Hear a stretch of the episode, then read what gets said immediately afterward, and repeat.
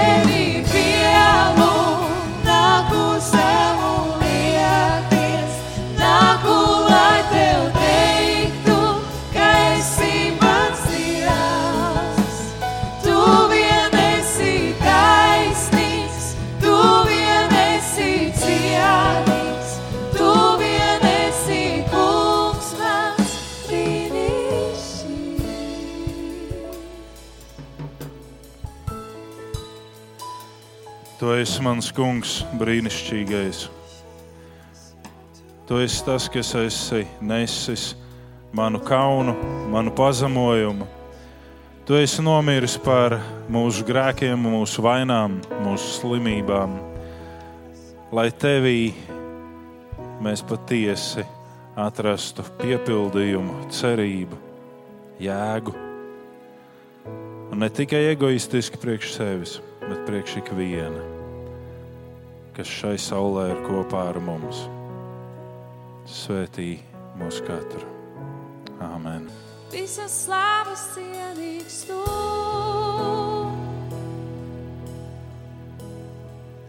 Visas slavas cienīgs tu.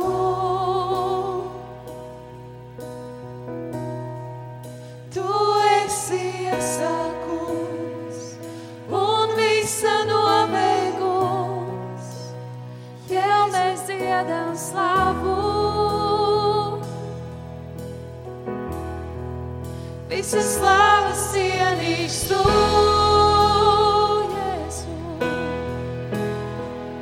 Visas slavas cienīgs tu.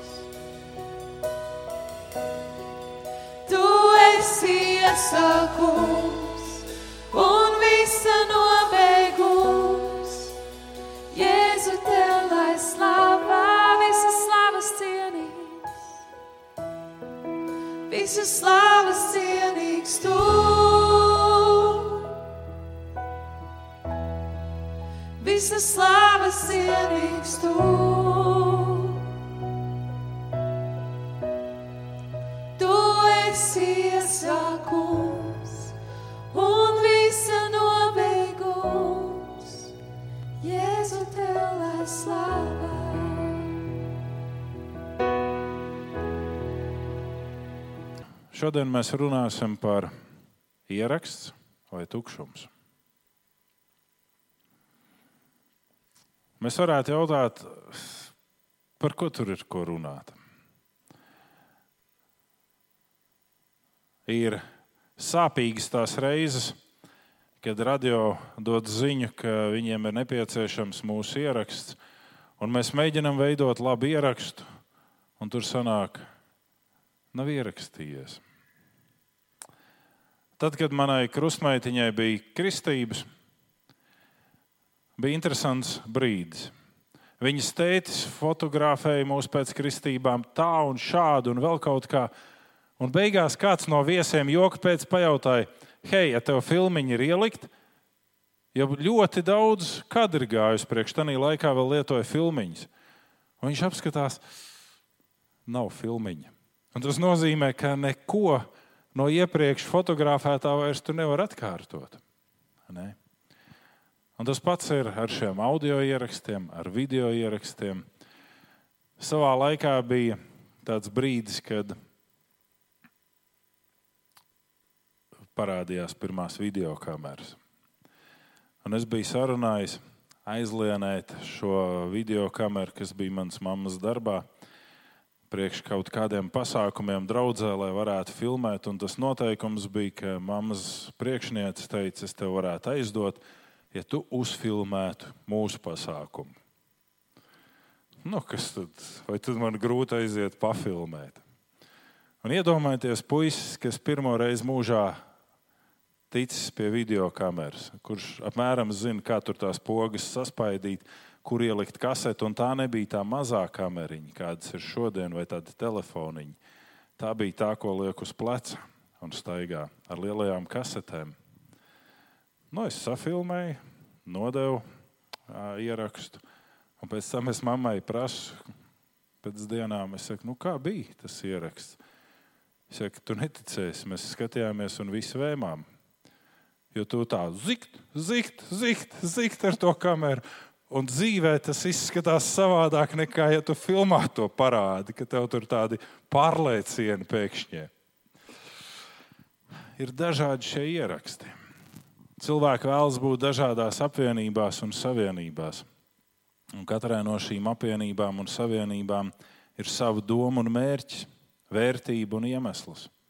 Mēs esam dzirdējuši, un iespējams, ka kāds no mums ir arī piederīgs arotbiedrībai. Ziniet, kas tas ir? Ja? Es zinu, ka tur mediķiem ir arotbiedrība, un uh, skolotājiem ir vairākas arotbiedrības, un Rīgas satiksmē ir kāda arotbiedrība. Ne? Ir dažādas arotbiedrības. Ir dažādas korporācijas. Ja arotbiedrība mūs aizstāv, tad korporācija tas ir vairāk tāds prestižs, ka es piedaru pie kādas konkrētas korporācijas. Ir dažādas veterānu un citas grupas. Kaut kādā mērā mēs varam arī draugu uzskatīt par šādu veidu grupu. Taču šodien runāsim par kādu ļoti nozīmīgu sarakstu un apvienību. Par ko varētu jautāt, vai tu esi šajā sarakstā? Daniela grāmata, 12. nodaļa, pirmie trīs panti. Daniela grāmata 12, 1 līdz 3. Tajā laikā celsies Mihails, lielais varenais, kurš sargā tavus ļaudis. Tad nāks bēdu laiks. Tā nebūs bijis kopš tautas radušās un līdz pat šim laikam, bet tanī laikā tavu ļaudis paglāpsies. Visi, kas ierakstīti grāmatā. Daudz, kas atdus zemes pīšļos, celsies, citi mūžīgai dzīvei, citi mūžīgam kaunam un negodam. Tad gudriem ir dzēs kā spožums debesjumā. Tie, kas pie taisnības veduši daudzus, kā zvaigznes mūžīgi mūžam. Āmen. Dievs svētīs savu vārdu šajā dienā. Un es žēlsirdīgs mums katram, lai šis vārds mūs uzrunā par svētību. Āmen. Pirmais, ko mēs redzam šajā tekstā, ko mēs lasījām, ir bēdas un grūtības. Un mēs varam vienmēr jautāt tieši šo, vai tas ir tas, kas mums ir vajadzīgs.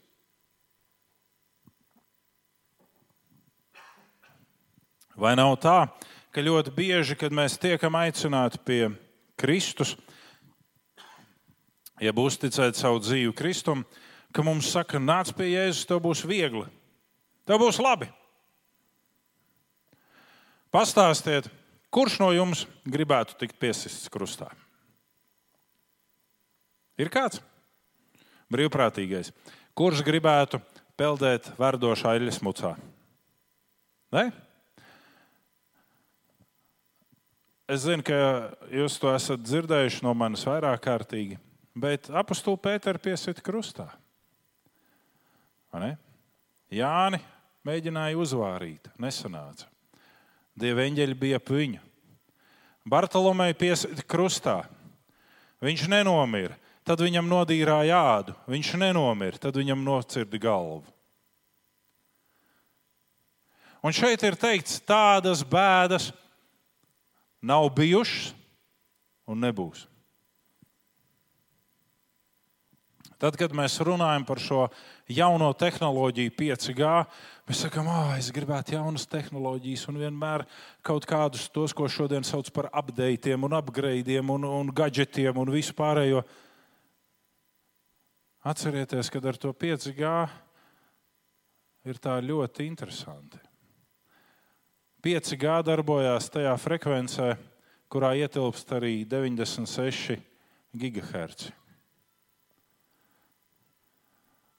Un šī hercu grupa ir tā, ko Amerikā armija izmanto pret nevēlamiem protestētājiem. Laižot šīs grupas starojumu, cilvēkam ir sajūta, ka viņam viss iekšā svārās. Un viņam nav patīkami. Viņš dodas prom no tās vietas. Un ko jūs domājat, ja tagad šeit virs mūsu baznīcas ik pa 200 metriem saliks 5G antenas? Vai visiem patīk tas, kas notiek šeit?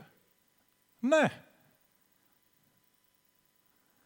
Cilvēki gribēs atnākt šeit, bet viņiem, tuvojoties baznīcai, būs sajūta, ka viņiem kņudinās visas iekšas un vārās. Nu, ja vēl nāks tie cilvēki šurp, nu, tad uzcepsim mācītāju mikroviļņos. Ne? Te ir teikts, tādas bēdas nav bijušas. Un mēs redzam, ka katram laikam nāk līdzi kaut kādas bēdas, kādas nav bijušas. Tad, kad apstuļus pēra sita, mēs šodien domājam par to, ka mums tur bite nevar iekost vai dundurs, jo tad mums sākas liels problēmas. Psalmists šo ieroci sauc par skarpiju ar kuru uzvara Jēzu muguru. Tur ir teikts, ar skarpiem viņi ir uzvaruši manu muguru. Un tad, kad pētnieki un arheologi mēģina saprast, kas ir skarpija, tad viņi ir atklājuši tādu romiešu ieroci, pātagu, kurai galā ir tāds dzelkšņains ezis. Viņu iecērt ķermenī un tad pavelk. Un mēs sakām, tādas bēdas nav bijušas. Tanī laikā nevarēja uzcept un uzvārīt iekšā. Tagad to var. Tagad nevienam nav interesanti ar skarpiem klapēt kādu. Un par skarpiem bija runa, ka tādas sitienus var cilvēks izturēt 40, un tad viņš mirst. Un tāpēc Pāvils saka, ka viņš ir piecas reizes saņēmis 39 sitienus bez viena. Tas ir bijis ļoti tuvu nāvei, bet viņš nav nomiris. Jo 40 tad ir nāve, 39 ir koma. Ne? Cik jēzus saņēma, mēs nezinām. Bet mēs zinām, ka viņu izvagoja. Ne? Katram laikam ir savs kaut kas. Šis ir kaut kas, kas mums nepatīk un no kā mēs ik viens vēlamies izvairīties - bēdas un grūtības. Tas ir raksturīgs cilvēkiem darīt visu iespējamo, lai izvairītos no ciešanām, samazināt jebkādu grūtību risku un visu bēdu iespējamību. Tuvākā vieta Latvijai ir Šveice, kur var veikt eitanāziju. Un tas cilvēks, par kuru es jums pirmīt stāstīju, viņš teica, ka viena no pirmajām domām, kas viņam ienāca prātā, kad viņam teica, ka nav cerības, ir saņemt visu iespējamo naudu, kas viņam ir, un doties uz Šveici, eitanēt sevi. Šodien internetā vidē jūs varat sastapties ar uzsaukumiem pat no mācītājiem. Cilvēkam ir tiesības pienācīgi dzīvot un pienācīgi mirt, atbalstam eitanāziju. Mēs, cilvēki, gribam kļūt par dievu. Un mēs gribam pateikt, es vēlos izbēgt ciešanām. Bet ko darīt tajā brīdī, ja cilvēks saņem smagu diagnozi? Un viņš saka, labi, es dodos cienīgi aiziet. Bet Dievs dziedina. Ir cilvēki šeit pat klātesoši, kuriem arī pateicis ceturtās stadijas audzēju. Bet viņi kustās un viņi iet, un Dievs ir darījis savu darbu. Mēs neatstājam vietu Dievam šādā veidā. Mēs gribam izbēgt no bēdām. Un te nav runa par bēdām, kuras cilvēks pats izvēlās caur savu grēcīgo rīcību un nesavaldību, bet gan par bēdām, kas arī ir bēdas. Tā kā mēs Pētera vēstulē lasījām, kas ir Kristus liecības dēļ.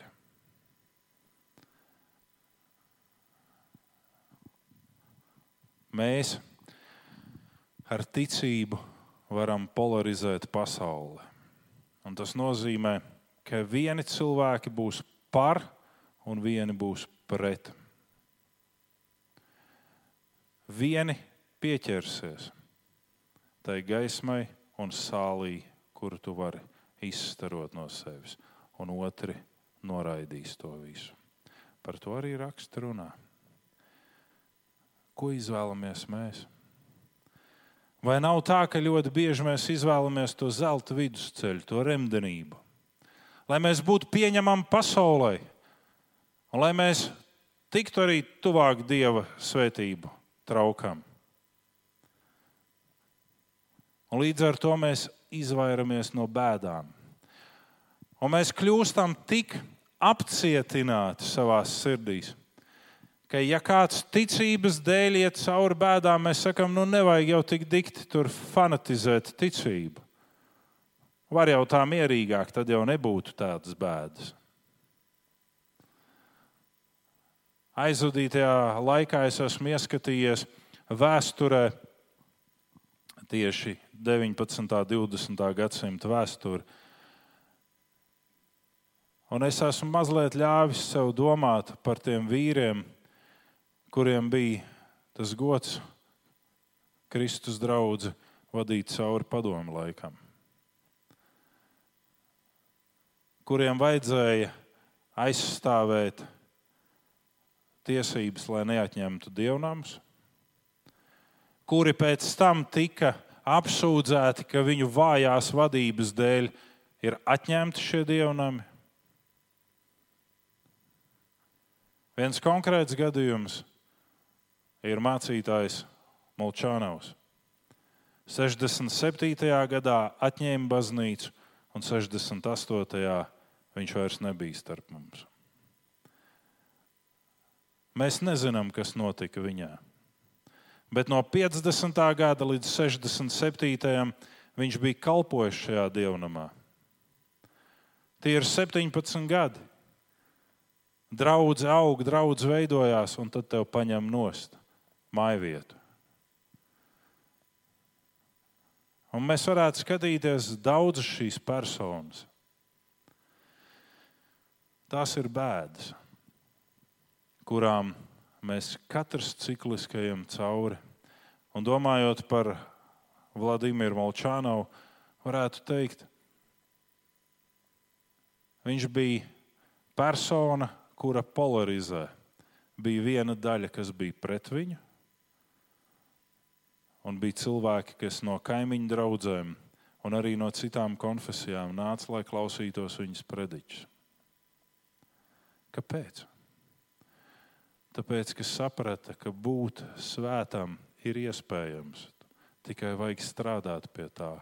Dzīvot šķīstu dzīvi ir iespējams.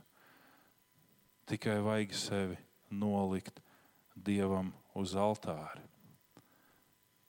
Nevis palikt Dievs, tu man esi pa svētdienām, un viss pārējā nedēļa ir manā pārziņā. Te nav runa par skumjām vai nomāktību. Te runa ir par bēdām. Bēdas ir emocionāls stāvoklis, ko izraisa piemēram nelaime, zaudējums, nepatīkams gadījums, apstākļi, kur jāpacieš vai par kuru novēršanu jāraizējas.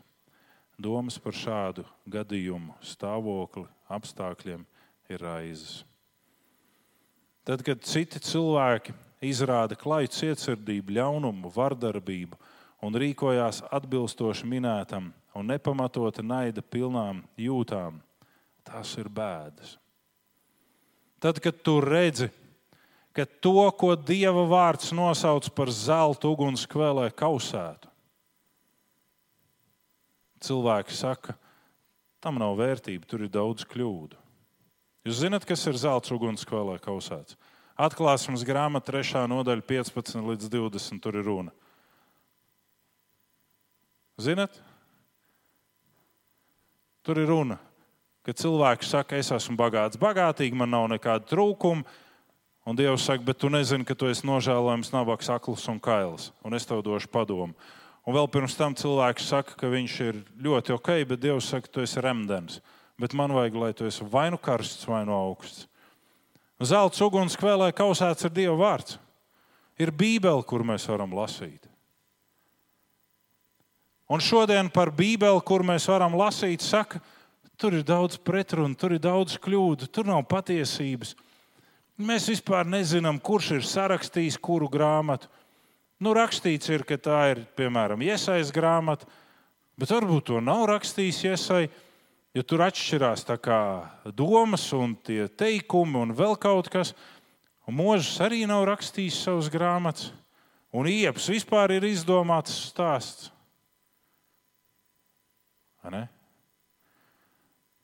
Un tā vienā konkrētajā reizē mans jautājums bija, kā ir?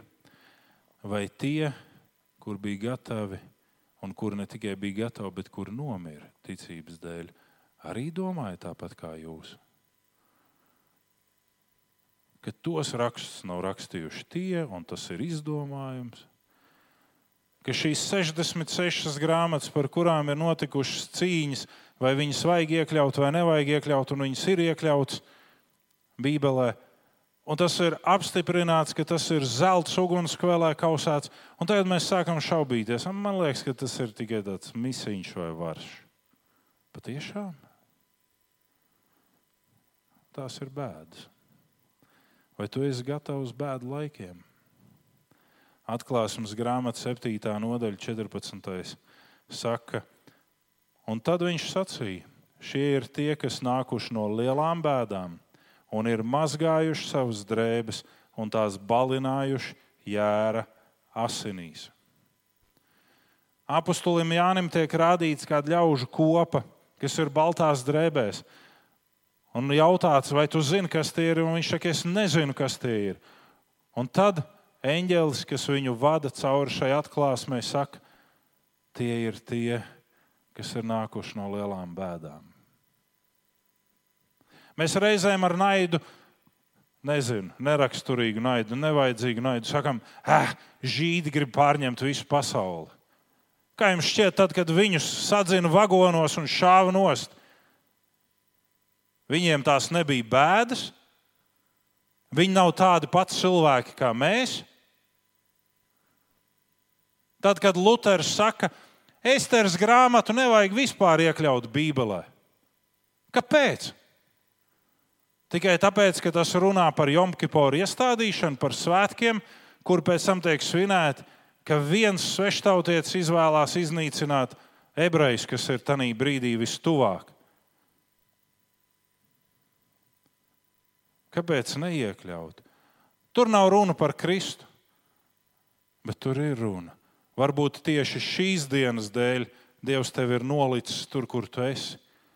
Un to mēs ļoti bieži aizmirstam, ka mēs savā dzīvē atrodamies tur, kur Dievs grib, lai mēs atrastos. Un tās durvis, kuras Dievs atver, pa tām mēs varam iet, un kuras Viņš neatver, mēs varam klauvēties ilgi un dikti, un mēs tur iekšā netiksim. Un šeit ir teikts, ka tie, kas ir baltās drēbēs, ir nākuši no lielām bēdām, ir nākuši no lielām ciešanām un mazgājuši savas drēbes. Ciešanas ir fizisks faktors, kad man dara pāri fiziski. Bēdas ir tad, kad man dara pāri morāli. Kad liek manu morāli aptraipīt. Piemērs Jāzeps Potifāra namā. Potifāra sieva iekāroja Jāzepu, saka, nāc. Un Jāzeps saka, nē. Ko Jāzeps saņēma par savu nē? Viņš saņēma cietumu, viņš saņēma nosodījumu. Mēs varam teikt, nu kas ir vecīt, ko tu tur tā? Neviens taču neko neredzētu. Bet tas, kurš pārbauda sirdis un nieras, tas zina visu. Tas zina visu. Cilvēks ejot cauri bēdām, mazgā un balina sevi, jo bēdās vairs nav būtiski par mūsu ikdienas sīkumiem. Tad ir viens, vai es esmu gatavs sastapties ar kungu Kristu. 1. pētera 4, 1 un 2. 1. pētera 4, 1 un 2. Kad nu Kristus ir cietis miesā, tad bruņojieties arī jūs ar tādu pašu prātu. Jo tas, kas ir cietis miesā, ir ticis vaļā no grēka un atlikušo dzīves laiku vairs nedzīvo cilvēku iekārēm, bet pēc dieva gribas. Es šobrīd negribu ekseģētiski skatīties uz šo pantu. Tur ir konkrēts runas, par ko tur ir rakstīts. Ne? Bet šeit ir viens, ko apustulis Pēters pasaka, bez dziļas ekseģēzes ja tev ir bēdu laiki, ja tev nāk ciešanas pāri, tu esi mitējies no ļauna. Tanī brīdī, kad tev ir bēdas un ciešanas, tev ir pilnīgi vienalga, kāda mašīna tev stāv ārā pagalmā. Tev ir pilnīgi vienalga, vai tev ir atmazgāts džinsens, vai tev ir normāls viņas. Tam vairs nav nekāda vērtība. Tad, kad tev ir bēdas un ciešanas, tev ir pilnīgi vienalga, vai tev maizes rieciens uz galda ir plānāks vai biezāks. Tu pateicies par to, ka vispār ir maizes rieciens. Tad, kad tev nav bēdu, tad tu sāc skatīties, man vajadzētu to, man vēl vajadzētu to, man vēl vajadzētu to. Un tā kā jau es šorīt teicu, tad es pieeju pie skāpja svētdienas rītā, kuram tāpat pa nedēļu nevar dabūt durvis ciet. Atver to skati, kuram nevar dabūt durvis ciet, un saprotu, nav ko vilkt mugurā. Jāiet plikam uz baznīcu, nu, bet tā taču ir ne, ne, neglīti. Kad tu esi sācis ciest miesā, tāpat kā Kristus, tad tu esi mitējies no ļauna. Bija kāda Tādas ir bijušas vairākas. Ticības māsas. Viena ir savu dzīvi noslēgusi ratiņkrēslā, Marija Inkeniene. Manuprāt, Zelma Dzenīte ir pavadījusi gultā.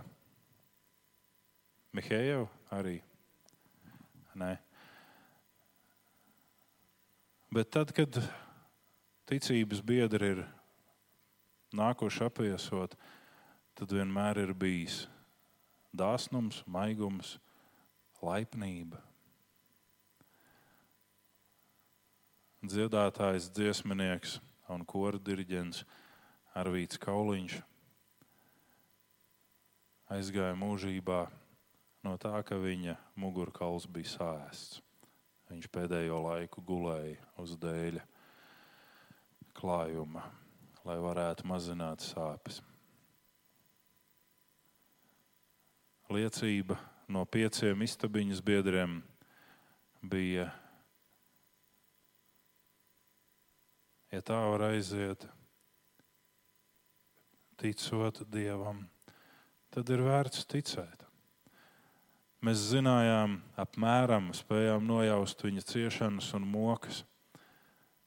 Bet katru rītu pamostieties, viņš jautāja, kā tu jūties, kā tev ir.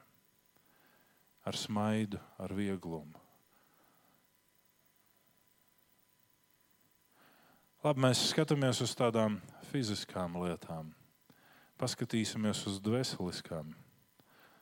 Pāvils un Sīla ir līdz nemaņai piekauti cietumā. Kurā? Visdziļākajā.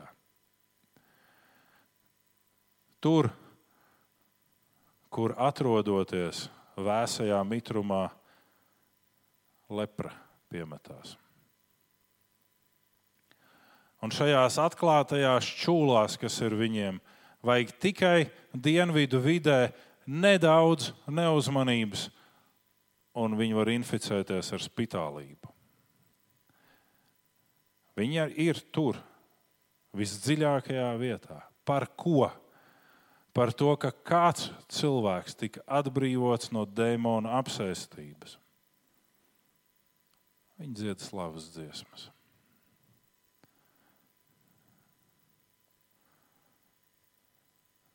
daudz mazākas nianses mūsu dzīvē, mēs nespējam pārdzīvot ar mieru. Mēs sitamies kotletēs un sakam, par ko man tas? Es taču visiem gribu tikai labu. Kāpēc mani tā zāģē un neieredz? Tāpēc, ka tu polarizē cilvēkus caur savu ticību. Tas notiek tad, ja tu neapcietini savu sirdi ciešanās tad tu pārstāji grēkot. Jo bēdās tu vari nocietināt savu sirdi, un tu vari kļūt jūtīgs.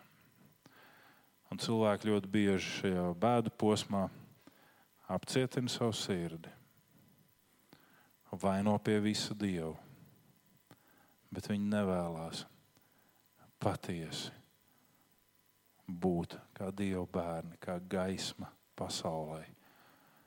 Pirms sākās bēdas, es drīz beigšu. Tu skaties, miegs nāk laikam. Jā. Tad, kad mēs esam bēdās,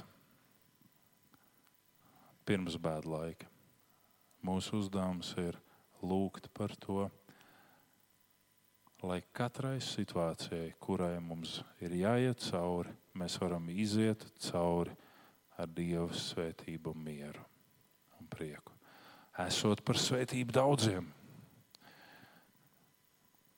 Apostoli negribēja būt par svētību daudziem. Viņi atnāca pie Jēzus un teica, kas mums par to būs? Un Jēzus teica, nav neviena, kas piedzīvotu kaut ko no šī visa, gan labo, gan netik patīkamo, kas nesaņemtu jau šeit virs zemes un vēl debesīs mūžīgo dzīvību. Astrīdas Lingrēnas vārdiem sakot, ko man dod mūžīgā dzīvība, ja es šeit mirstu badu? Ko man dod, ka es esmu saviem vecākiem simts tūkstošu miljonu vērts, teica brālīts, ja man nevar sunīt nopirkt? Kāda jēga no tā viss ir? Es gribu sunīt. Man nekad nav bijis sunīts, arī kaķītis. Ne. Man vecāki ir ar ebreju asinīm, tāpēc viņi nicina kaķus un suņus mājās. Un manam brālim bija iedomas sunītis. Un tad, kad mēs braucām uz Klapkalnciem, tad parasti ar vilcienu aizbraucām līdz slokai un no slokas ar autobusu līdz Klapkalnciem un tāpat arī atpakaļ. Un tad pie kafejnīcas bremze, kas bija turpatās, tās ir doma mazās erģelītes, neņemiet vērā. Viņas skan šad, tad mēs tiekam aicināti uz kādu korāli. Ne? Bet tad mans brālis pie šī soliņa, kas atradās pie kafejnīcas bremzes, parasti piesēja savu iedomu sunīti ceļā uz Rīgu, jo Rīgā nevarēja sunīts būt. Laukos varēja. Un tad, braucot atpakaļ, viņš atraisīja sunīti. Viņam bija sunīts. Viņam tik ļoti bija sunīts, ka šobrīd viņam dzīvē ir bijuši pieci suņi. Ir vēl divi no tiem. Ne? Cik es vērts esmu Dievam? Tik, ka Viņš nav taupījis neko manis labad. Un mēs nonākam pie nākamā punkta. Tavējie un svešie. Ja pirmais bija bēdas, tad otrais ir tavējie un svešie. Ir kāda grupa ļaužu, kurus sētie raksts sauc par tavējie. Iespējams, mēs paši veidojam savas ļaužu apvienības, un tās saucam par manējie. Iespējams, ka ir ļaudis, kuri tev pieņem par savējo, bet šeit ir kas pārāks. Dievs saka caur praviešiem, ka ir ļoti iespējams tevi pievienot grupai tavējie, vai ka tu neesi pievienots. Un Daniela grāmatā, mūsu pamattekstā, mēs lasījām, Tanī laikā tavi ļaudis paglāpsies, tavējie. Kas ir šie tavējie? Vai ir iespējams kļūt par tavējiem? Atklāsmes grāmata 13. nodaļa, 16. pāns. Es zinu, ka iespējams jums nepatiks šis nākamais punkts, ko mēs lasīsim un domāsim, jo tas ir kardināla pujāta mīļais temats. Bet tā ir patiesība, no kuras mēs mēģinam aizbēgt. Atklāsmes 13, 16. Un viņš liek visiem, gan lieliem, gan maziem, gan bagātiem, gan nabagiem, gan brīviem, gan vergiem, pieņemt neizdzēšamu zīmi uz viņu labās rokas vai uz pieres. Mēs ļoti pavirši pieejam šai atklāsmei. Kāpēc? Tāpēc, ka mums šķiet, ka nevajag Bībeli tik burtiski uzskatīt. Gan jau mēs kaut kā varēsim tikt cauri tam laikam. Bet šeit ir teikts, viņš liek pieņemt zīmi.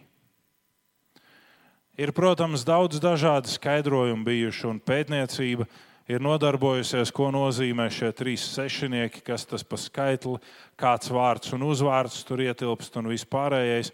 Un īsi sakot, lielākais vairums pētnieku ir vienojušies par to, ka pēc kādas tur tehnikas trīs sešnieki nozīmē ķēniņa jeb Cēzara Nērona vārdu. Tā tad tas vairs uz mums neatiecās. Cik jauki, vai ne?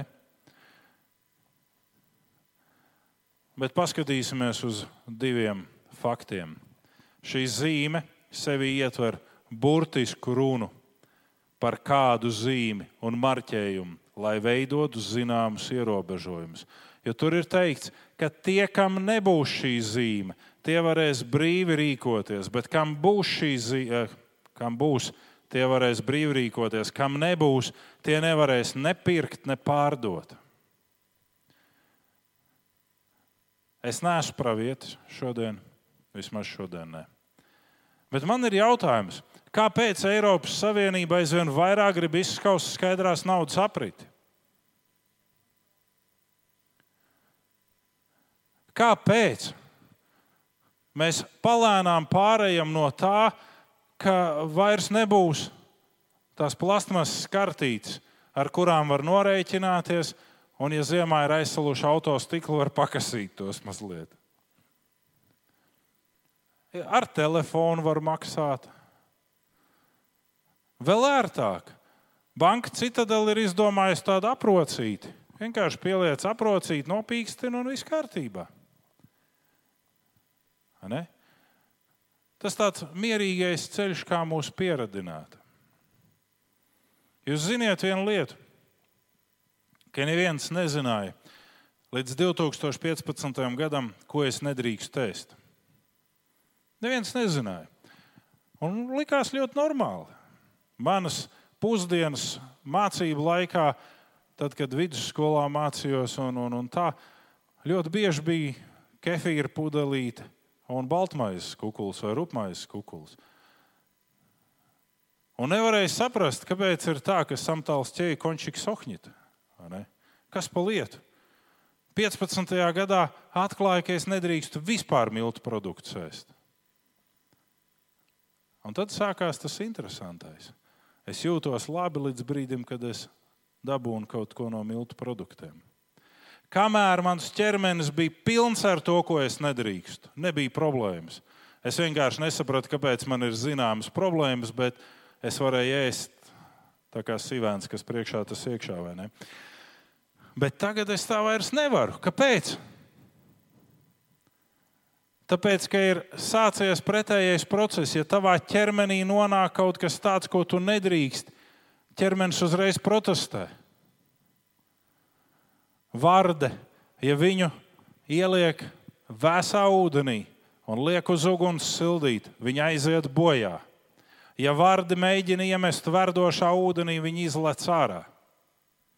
Vārdi ir augstasiņu dzīvnieks, kura asins rite pielāgojās temperatūrai, un līdz ar to uzkarsējot asinis, viņa aiziet bojā.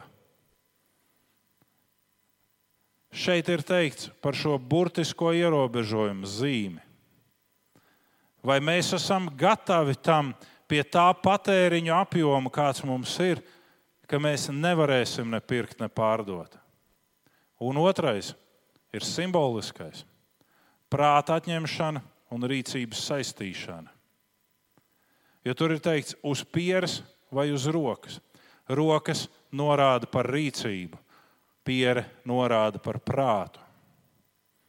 Ir kaut kas, kas ir pārāks par šo fizisko zīmi, kurai jau mēs pakļaujamies neapzināti, ar ko tiek saindēta mūsu domāšana, ar ko tiek saindēta mūsu rīcība. Un mēs to pieņemam ļoti normāli. Nu, jā, nu, nu visi tā dara. Kāpēc lai es tā nedarītu? Vai ne? Ļoti vienkārši. Ir lietas, ir rīcības, ir darbības, kas mūs pirmā brīdī mulsina, pēc tam mēs sakām, nu, ok. Savā laikā austrumu bloks, visu padomju savienībā esošās metodistu, tur nebija vairs tik daudz metodistu draugus, bet baptistu un vasaras svētku draugus visa šī bloka draudzes, kas bija pakļāvušās šim svētošanas kustībām, viņas aitu droši var atnākt pakaļ. Droši nekas, viss kārtībā. Vari paturpināt mājās. Un mēs arī domājam par tavu omīti. Šīs draudzes no zināmām lietām atteicās. Es neuzskaitīšu visticamāk visas bet es uzskaitīšu dažas. Alkohola lietošana jebkādā daudzumā tika uzskatīta par grēku. Smēķēšana tika uzskatīta par grēku. Kāršu spēlēšana tika uzskatīta par ļaunumu. Un tad pavērās robežas. Un rietumu kultūra ar savu uzskatu Ja tu vienreiz esi glābts, tu esi glābts vienmēr. Ienāca un teica, ko jūs te ņematies? Tas taču ir viss ļoti normāli. Nu, nevajag jau piedzerties, nu, drusku jau iedzert var. Ne? kas tad tur ir slikts? No smēķēt. Nu, drusku jau var. Mēs tiekam pakļauti, mūsu domāšana tiek pakļauta, mūsu rīcība tiek pakļauta. Kaut kam, kas mums nepiedienās. Mēs skatāmies uz šo jautājumu par augļošanas saistībām, par to, ka cilvēki labprātīgi pakļauj sevi augļošanas saistībām. Bet mēs redzam to, ka baznīcas par to nerunā. Tāpēc, ka tas nav izdevīgi runāt par to. Jūs saprotat, par ko es runāju, vai ne? Par kredītiem. It sevišķi ātrajiem. Kāpēc nav izdevīgi par to runāt? Tāpēc, ka ir ļoti daudz ticīgu cilvēku, kas vada kompānijas, kuras aizdod cilvēkiem naudu. Un viņi saka, bet mēs taču maksājam desmito tiesu un uzturam baznīcas un visu pārējo. Un nauda pati par sevi jau nesmird. Ne?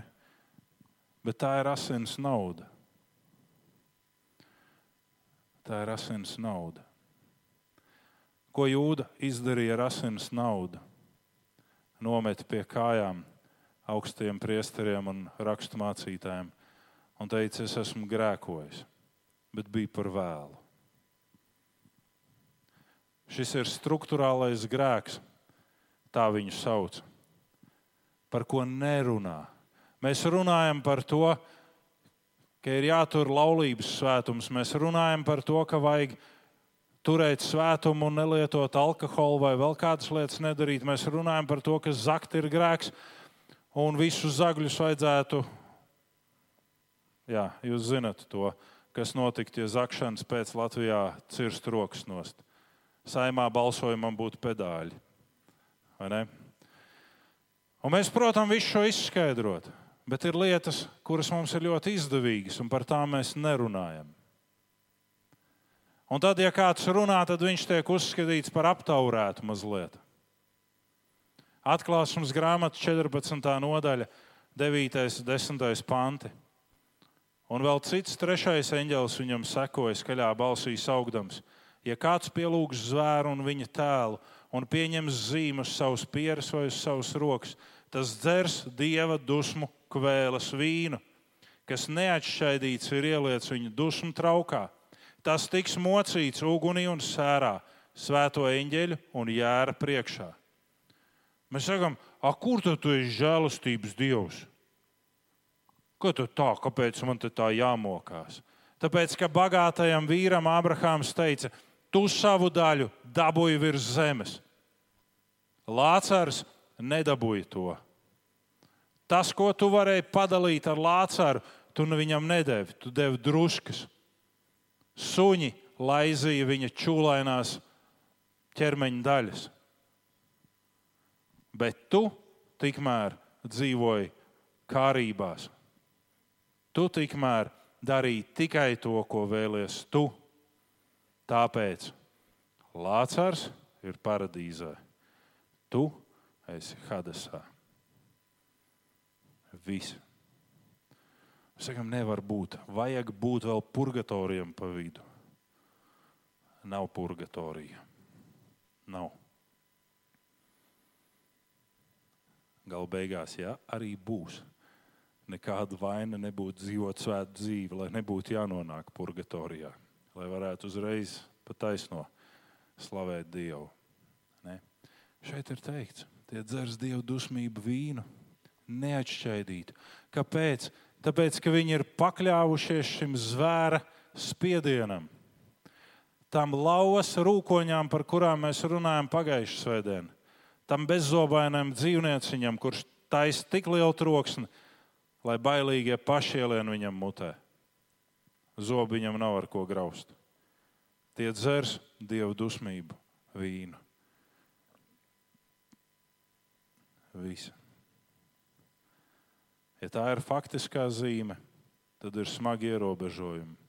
Bet, ja tā ir simboliskā zīme, tad tas ir vēl smagāk, jo cilvēks var kļūt par divkos, un daudz tā arī kļūst.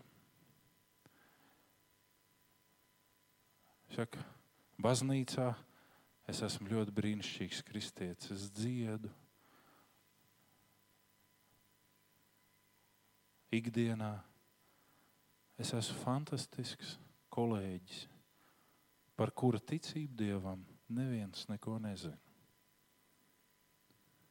Un arī nejūt no manis to ticību. Jo ticībai būtu jābūt jūtamai. Vienmēr mūsu dzīvē ir cilvēki ap mums, kuri ar kaut ko ir neapmierināti. Visvairāk ir tie, kuri nav apmierināti ar citām personām. Ko mēs darām? Vai mēs esam tie līdzdziedātāji, kas saka, jā, šausmīga persona? Vai mēs sakām, hei, klau, es žēlsirdīgs man un visai pasaulē, arī tai briesmīgai personai. Bet tā taču nevar. Tas izskatās, ka tu esi tāds mazliet dīvains. Labāk dīvains, bet debesīs, nekā foršais pazušanā. Tā vēl joprojām ir izvēles iespēja būt starp tavējiem vai svešajiem. Un mēs nonākam pie pēdējā saprātīgie zvaigznes. Ko sevī ietver šis skaistais apzīmējums? Mums ļoti patīk, ja mūsu sumina un sauc par zinošiem, gudriem un svētā gara pilniem. Taču nevienmēr tas ir patiesi un attiecināms uz to, kas mēs esam. Raksti mūs aicina neņemt godu vienam no otra, bet tikai no Dieva. Tomēr citu priekšā mums ir jāsniedz šīs saprātības mācība un atklāsme. Kas ir saprātīgie? Vai jūs man varat dot vienu skaistu biblisku definīciju?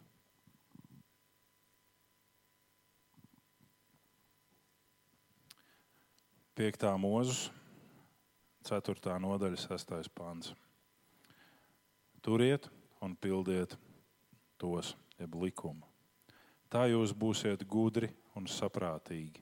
To tautu acīs, kas dzirdot par visām šīm lietām, likumiem, sacīs, tiešām gudra un saprātīga ir šī lielā tauta. Piektā mūzes grāmata normālā teoloģijā tiek uzskatīta par mūzes gulbi dziesmu. Jūs zināt, ka gulbis dzied vienreiz mūžā, un tas ir pirms savas nāves.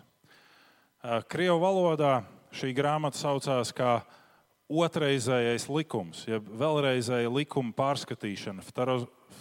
Pasaka Erlanda. Jā, man tur mēlī mežģās, jūs saprotat, otrais dievkalpojums.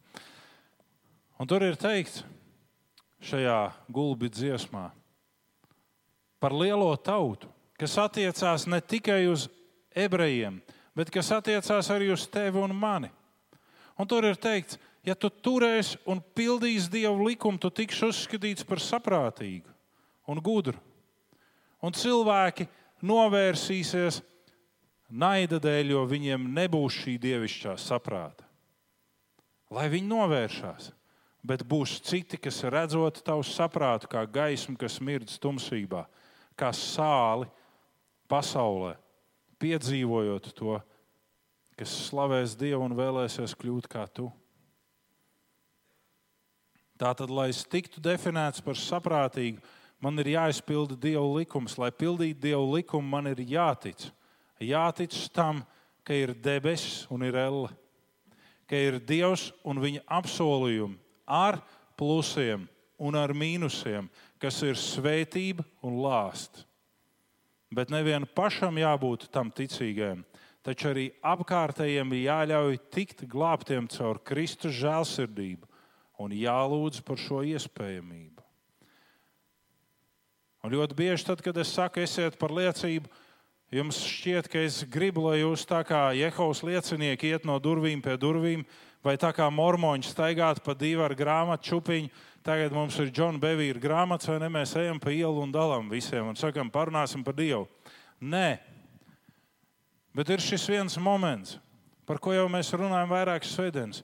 Kristus sāpīgo ciešanu dēļ. Es žēlsirdīgs man un visai pasaulē. Es nevaru visus savus radus aizsniegt. Es piedāvāju radiem zināmai grupai sastapties Ziemassvētku laikā, pabūt kopā. Nav tādas opcijas. Kāpēc? Kāpēc vajag šo satikšanos? A, ļoti vienkārši. Tāpēc, ka mani vecāki ir jau krietni gados, un viņu māsītes un brālēni ir krietni gados. Katra diena, katra tikšanās iespēja var būt kā pēdējā. Mēs lūdzam par šo. Varbūt Dievs tu dos mums satikties vēl kamēr mēs esam šeit. Viņi saka, nav iespējams. Tur ir tādas problēmas, un tādas, un tādas. Ko es varu darīt? Es varu kā Jehovas liecinieks iekāpt mašīnā, vienkārši braukt pie viņiem un teikt, nē, tu tiksies ar mani. Un es varu palikt tur, kur es esmu, un teikt, Kristus sāpīgo ciešanu dēļ. Es žēlsirdīgs man un maniem radiem. Mēs skatāmies vēl soli tālāk. Man ir radi, kuri arī regulāri iet baznīcā bet par kuru dzīvesveidu un izpausmēm nevarētu teikt, ka viņi ir ļoti ticīgi. Nu, viņi sev uzskata vismaz par tādiem. Es nerunāju ne par vienu, kas ir šeit. Nesatraucieties. Es runāju par citiem. Es pameklēšu rīta sprediķi, man vajag vienu rakstu izlasīt no turienes. Ja?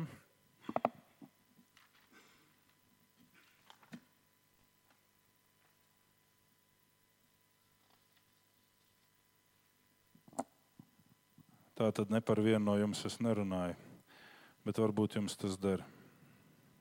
Ne? Un, ja der, tad lietojiet. Un, ja nu man tā rakstiet būs pazudusi, tad es nezinu.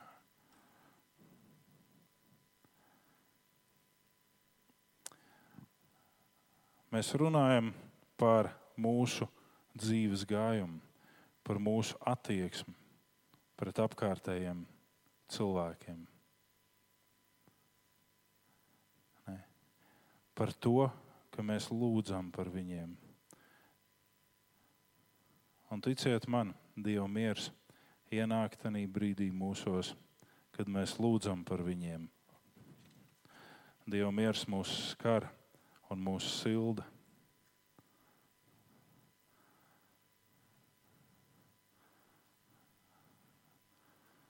bailes pazūd, jo mēs izējām ārpus taisnās tiesas robežām.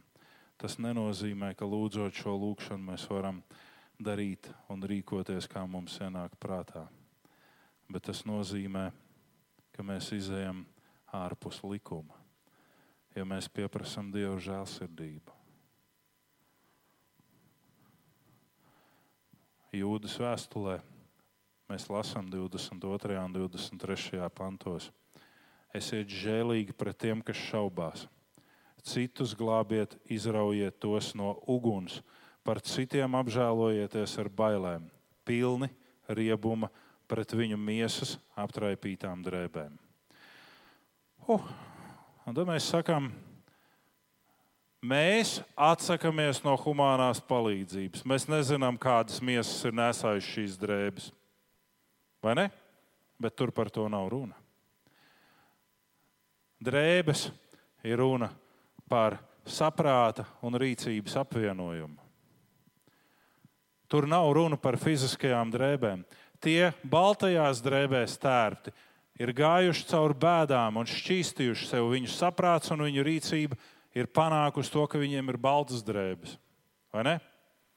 Bet šeit ir runa par to, ka cilvēki caur savu rīcību, grēcīgo rīcību, grēcīgajām domām ir tādas aptraipītas drēbes uzvilkuši. Un jūda saka, novērsieties no šīs rīcības. Piemērs Ādams un Ieva. Viņi uztaisīja savu drēbes ēdienas dārzā, vai ne? Vīģis lapiņas. Viņu rīcība un viņu domas pavedināja viņus uz to, ka vajadzēja šīs vīģa lapiņas likt priekšā. Un tad Dievs atņēma viņiem tās vīģa lapiņas un iedeva citus ietērpus. Domas un rīcība apģērbs. Un šeit ir runāts par saprātīgajiem, kuri darīs to, ka citus apžēlos. Ir ceļš tos, kas šaubās, izraus no uguns svelmes. Tie, kas ir pa vidu, tie, kas ir tie remdenie, ar tiem ir visgrūtāk. Jo viņi ir tie divkosīgie, kur ir labi gan pasaulē, gan baznīcai, bet ne dievam. Nē. Un tad mēs redzam par tām zvaigznēm, kas saprātīgiem ir dzēs kā zvaigznes. Un šajā brīdī mēs pavisam ātri pievērsīsimies vienai tradīcijai, kur es mēģināšu arī jums izskaidrot. Un tā ir tradīcija par spīdekļiem. Tanī brīdī, kad Dievs radīja pasauli, tradīcija saka, ka viņš radīja divus vienādu izmēru spīdekļus. Vienu nosauc par sauli, un otru nosauc par mēnesi. Un kaut kādā brīdī šajā radīšanas procesā mēnesis nāk pie Dieva un saka, klausies, Dievs, tā taču nav nopietni. Mēs esam divi pilnīgi vienādi izmēri, vienādi spožuma spīdekļi, Kāda tad ir jēga no mums? Un Dievs saka, ja tu gribi, kļūst otrais. Pareizi ir tas, ko tu saki, bet kļūst otrais. Un mēnesis saka, paklaudies, tā tu vienmēr runā ar tiem, kas taisnību pasaka. Tā tu attiecies vienmēr pret tiem, un viņš sadusmojās un aiziet no Dieva. Un pēc ilgāka laika viņš nāk atpakaļ. Viņš saka, Dievs, es esmu izvērtējis to, ko tu man teici. Lai cik tas varbūt arī manam pašlepnumam neliktos muļķīgi, es kļūšu otrais. Un Dieva atbild ir, tad zini, ka tavu gājumu pavadīs zvaigznes, kas ir daudz lielākas par sauli. Saka, tā, foršs stāsts. Jā. Par ko šis stāsts ir? Par Ādamu un Ievu. Jo Bībeles gaismā vīrietis vienmēr ir saule, un sieviete vienmēr ir mēnesis. Un vīrietis savā paštaisnībā, skarbumā un visā pārējā var dedzināt kā saule. Un sievietes gājumu normālās situācijās, sievietes gājumu vienmēr pavadīs zvaigznes, kas ir daudz lielākas par sauli. Un šīs zvaigznes ir šīs sievietes pēcnācēji. Un ja mēs to paņemam un pārliekam garīgajā dimensijā, Dievs ir saule un draudzene ir mēnesis. Un pirmā brīdī mēs gribam Latvijā kļūt priekšā Dievam, nostājoties un sakot, mēs esam draugi, ir nāciet pie mums. Un Dievs saka, vai tu esi gatavs kļūt otrais? Vai pilsēta, tu esi gatavs kļūt otrā? Un tad, kad draudzes saka, jā, un otrā tu kļūsti tad, kad tu saki, esi žēlsirdīgs man un visai pasaulē. Jo saule dedzina, un mēnesis ir tas, kurš apžēlo. Mēnesis gājumu pavadīs zvaigznes. Un Daniels saka, saprātīgie mirdzēs kā zvaigznes. Draudzes Kristus līgavas gājumu pavadīs zvaigznes. Tie ir bērni un bērnu bērni, kas dzimst draudzē, ar kuriem tu sastopies šeit un tu sastapsies mūžībā.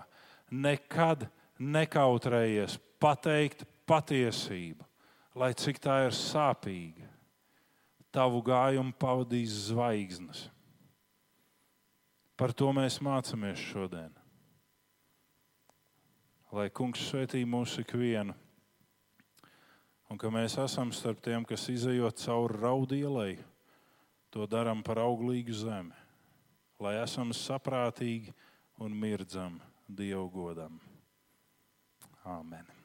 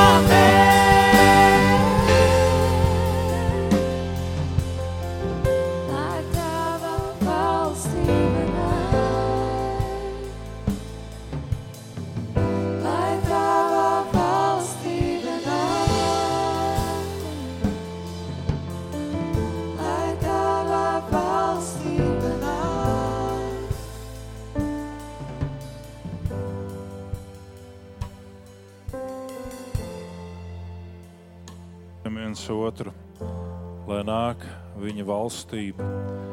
Svētīsim un nebaidīsimies no tā, ja mēs esam aicināti būt par svētību un svētītu.